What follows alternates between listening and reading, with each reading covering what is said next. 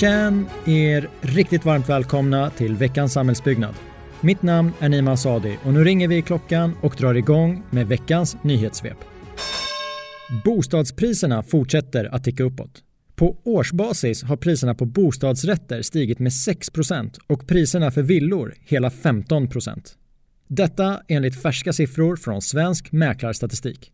Ja, men det är ju ett coronaår, tänker ni. Utbudet är ju lägre och det har ju såklart sina konsekvenser. Nej, nej, nej. Det stämmer inte. Herregud! Tittar man på antalet försäljningar så såldes det under februari 2021 7% fler bostadsrätter än under februari förra året. För villor är nivån oförändrad. Sund prisuppgång, oroväckande eller helt klart dopat av en väldigt generös finanspolitik. Ni väljer själva. Några som borde vara glada är alla bostadsutvecklare där ute.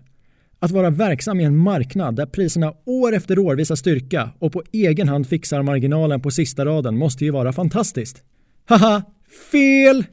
Enligt diverse bostadsutvecklare och Bopolmaffian så behövs lån utan säkerhet, lägre ränta, slopade amorteringskrav, startlån och diverse andra stimulansåtgärder för att projektkalkylerna ska gå ihop. Houston, we have a problem. Är inte det lite beklagligt?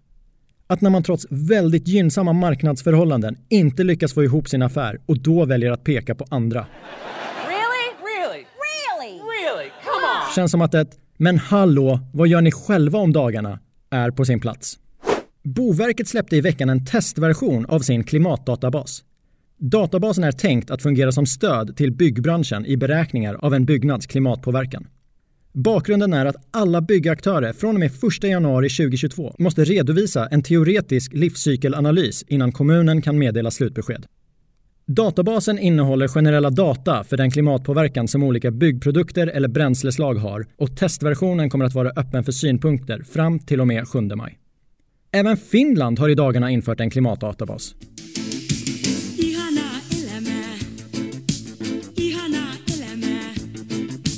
Sydämeni vaatii, ihanaa elämää. Uppgifterna i klimatdatabaserna är landspecifika, men metoden för att utveckla klimatdata har gjorts på samma sätt. Vad detta innebär i just det här specifika fallet är jag inte helt säker på, men de senaste åren har länderna i Norden samarbetat kring byggregler och sektorns klimatpåverkan, vilket såklart är bra. Gå in på Boverkets hemsida om ni vill veta mer.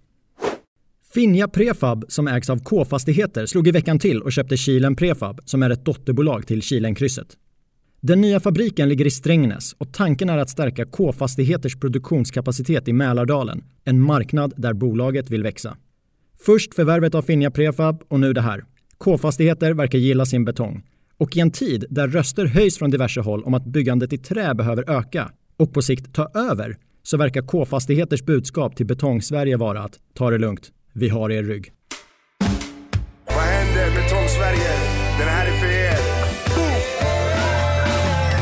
Så sjung en sång för din betong Jag sjung en sång för din betong Så sjung en sång för din betong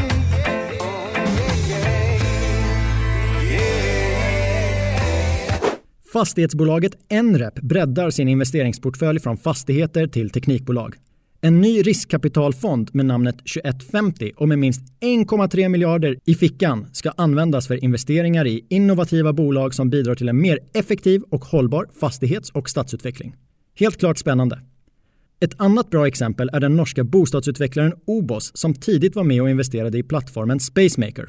Och förutom att vara med och möjliggöra utvecklingen av plattformen så blev det även rätt bra klirr i kassan när Spacemaker i november förra året såldes till Autodesk för uppskattningsvis hela 240 miljoner dollar. Dags för veckans lista. Denna vecka listar vi de byggföretag som har byggstartat flest antal bostadsprojekt under 2020. Nummer 1.